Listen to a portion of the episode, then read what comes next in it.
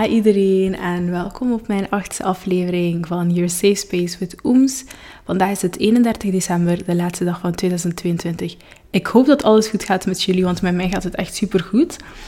En zoals jullie weten, op mijn laatste podcast heb ik ook gezegd meerdere keren uh, dat ik super dankbaar ben voor mijn leven. Uh, dat ik super dankbaar ben voor 2022 en alle dingen dat er zijn gebeurd in 2022.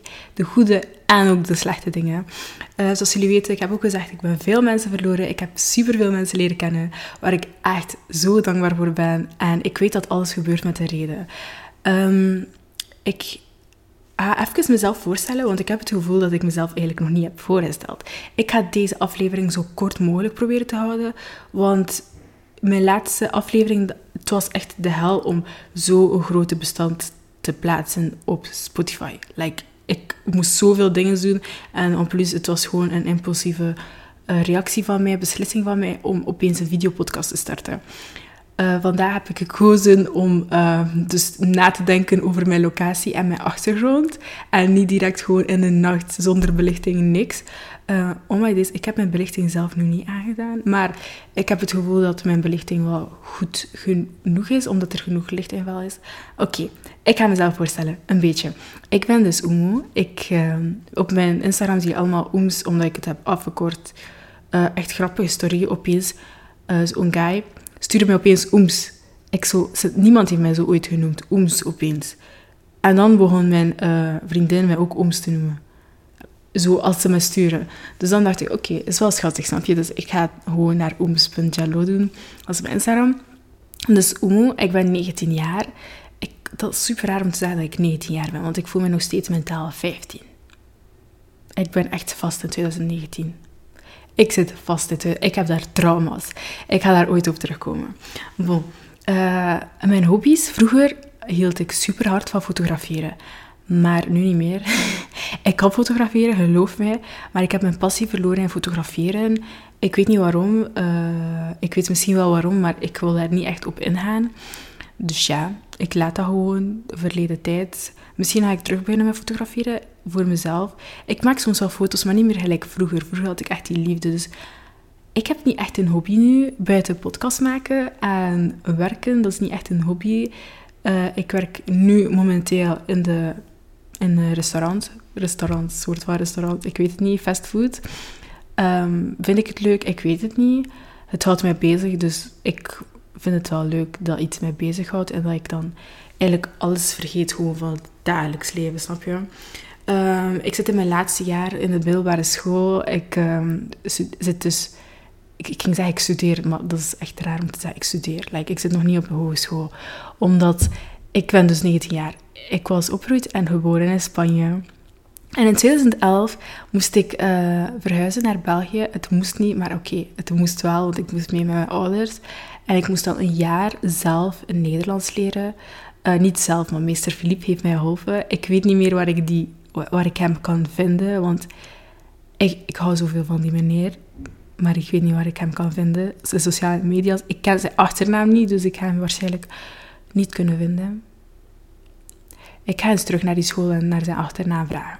Bon. Oké, dus ja, meester Philippe, ik ga hem nooit vergeten. Hij heeft mij Nederlands geleerd, maar ik zat terwijl ook gewoon in het tweede leerjaar, dus ik moest zelf naar de lessen gaan. Dus ik zat nooit op OKAN, ik moest alles zelf doen.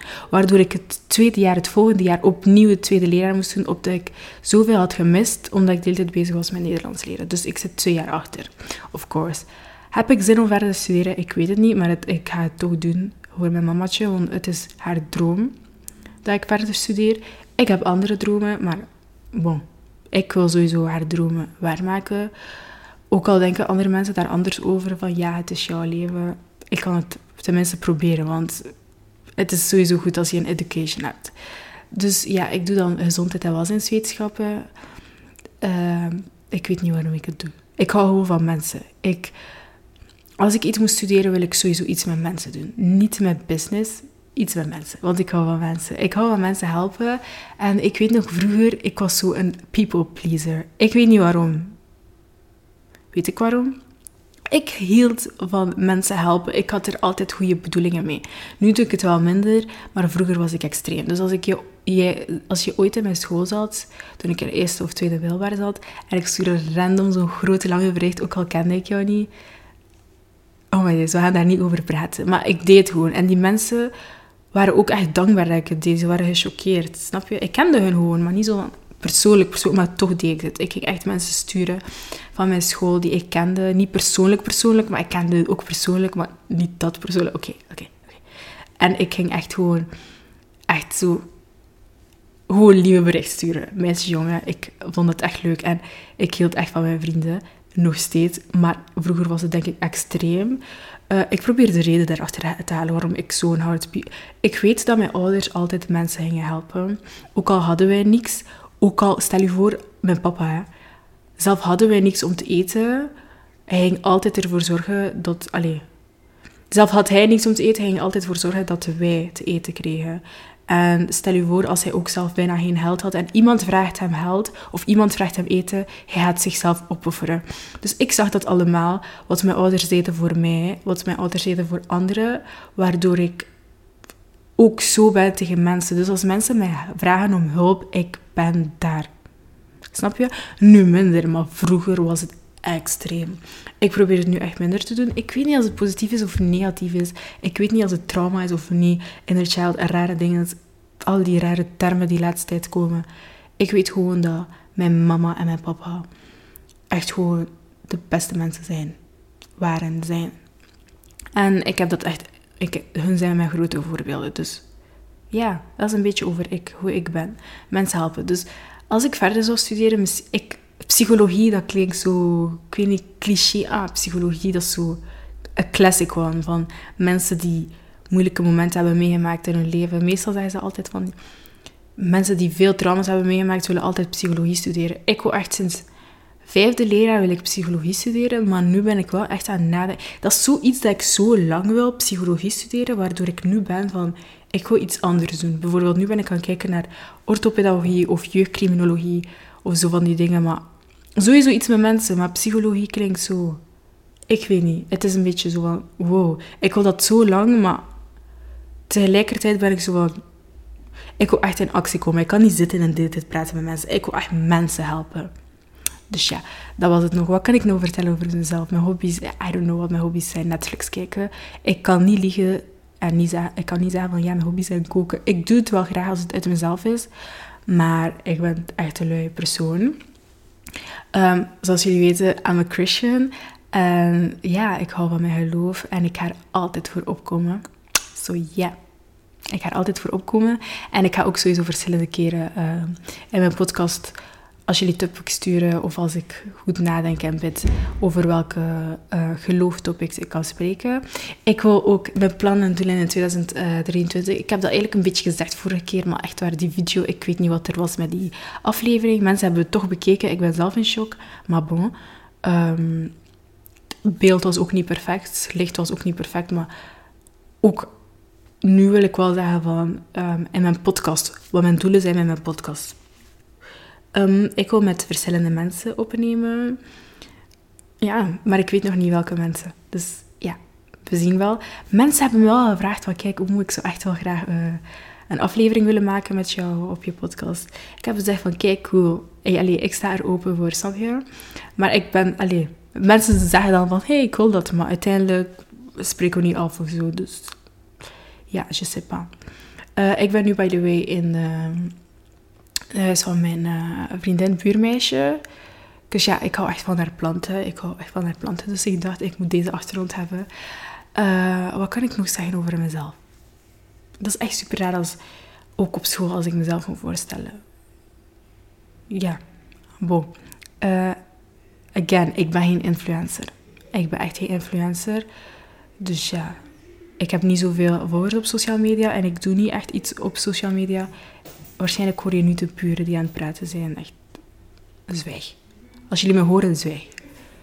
Echt irritant. Like, in deze huis, mijn buurmeisje, zij kan dat echt niet af. Zij praten zoveel. Als jullie kijken, jullie praten veel. We horen jou schreeuwen, we horen... oh my god, oké. Dus, wat wil ik ook nog over praten? Ik wil denk ik ook praten over isolatie. Ik heb het gevoel dat ik me dit jaar ook heb geïsoleerd bij veel mensen. Uh, maar, nee, niet echt geïsoleerd. Kijk, ik heb echt gekozen van wie ga ik afstand nemen en van wie niet. Dus ik heb wel echt, echt gekozen van jij bent nu gewoon weg 1, 2, 3 uit mijn leven.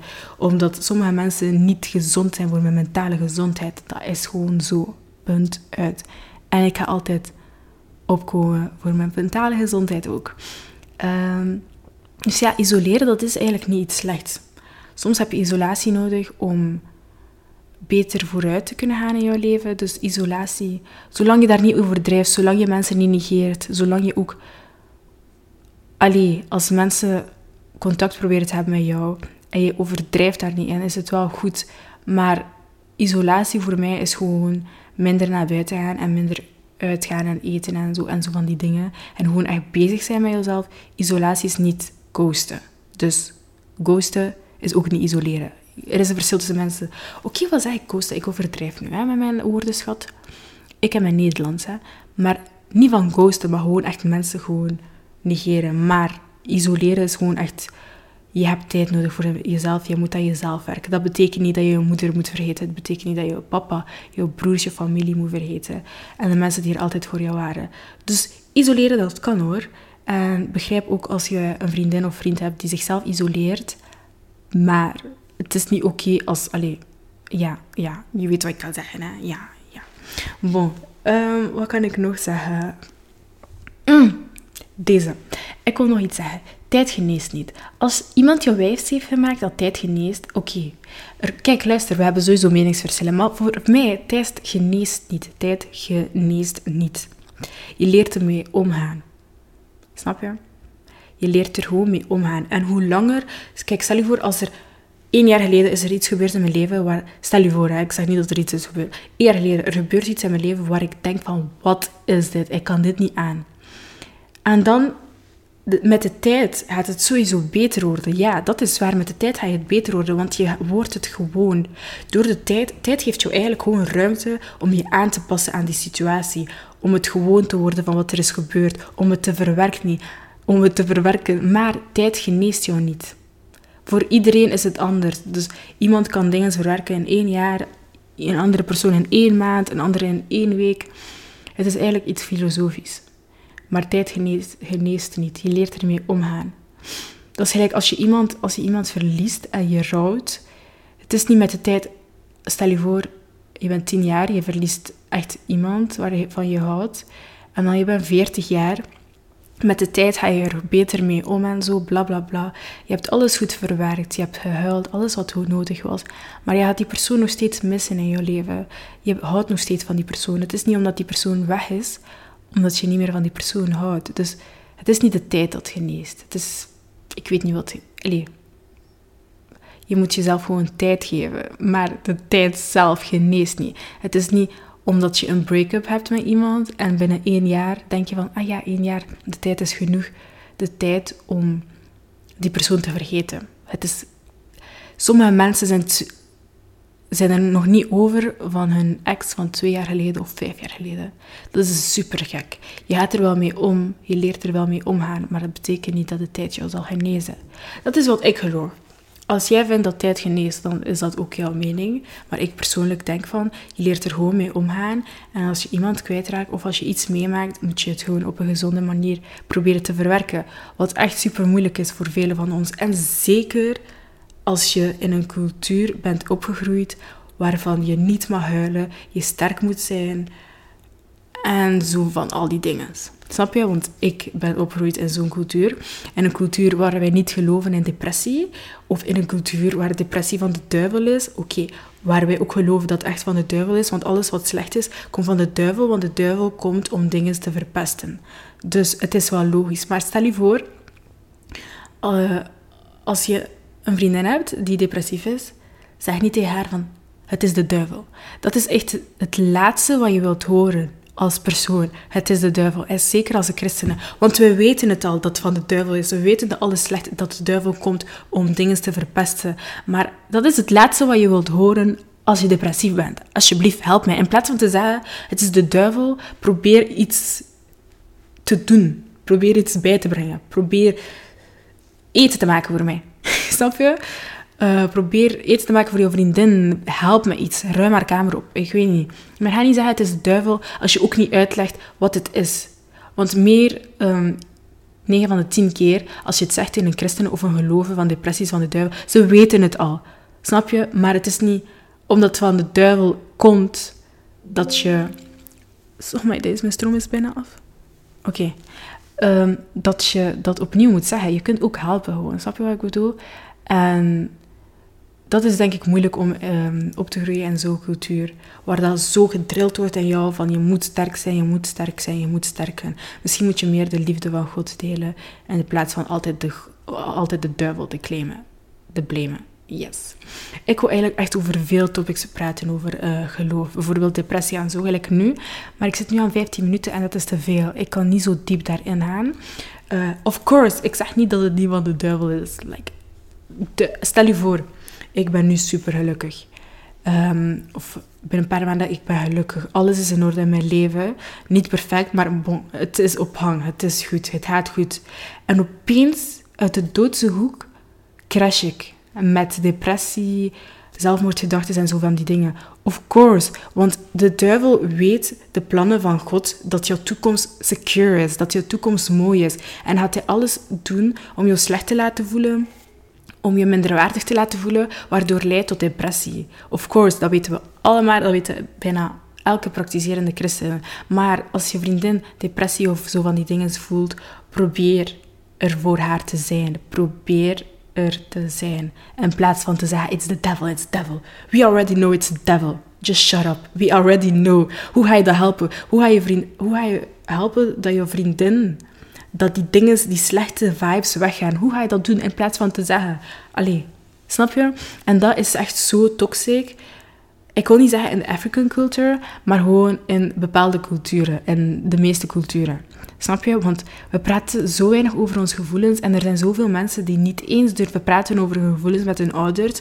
Thank God dat ik wel een moeder heb waarmee ik kan praten over mijn gevoelens. En als het serieus is, kan ik wel echt praten over mijn gevoelens met haar. Ze kan soms lachen en bla bla bla. Want snap je, zij is zelf een sterke vrouw geweest. En ik, moet, ik weet van mezelf dat ik ook sterk moet zijn. Maar als het serieus is, dan weet ik dat mijn mama er voor mij is. Um, bij papa is denk ik, ik weet niet, is het denk ik wel anders. Hij is wel...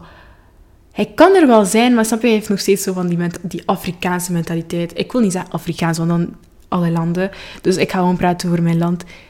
Guinese mentaliteit slash Sierra Leone. Bij mijn vaders kant. Dus voor hem, depressie, dat bestaat niet. Snap je? Voor mijn mama is het de duivel, maar het bestaat. En voor mijn papa, het bestaat niet. Snap je? Hij is een man, hij is sterk. Hij heeft veel ergere dingen meegemaakt. Dus hij is zo van, nee, het bestaat niet.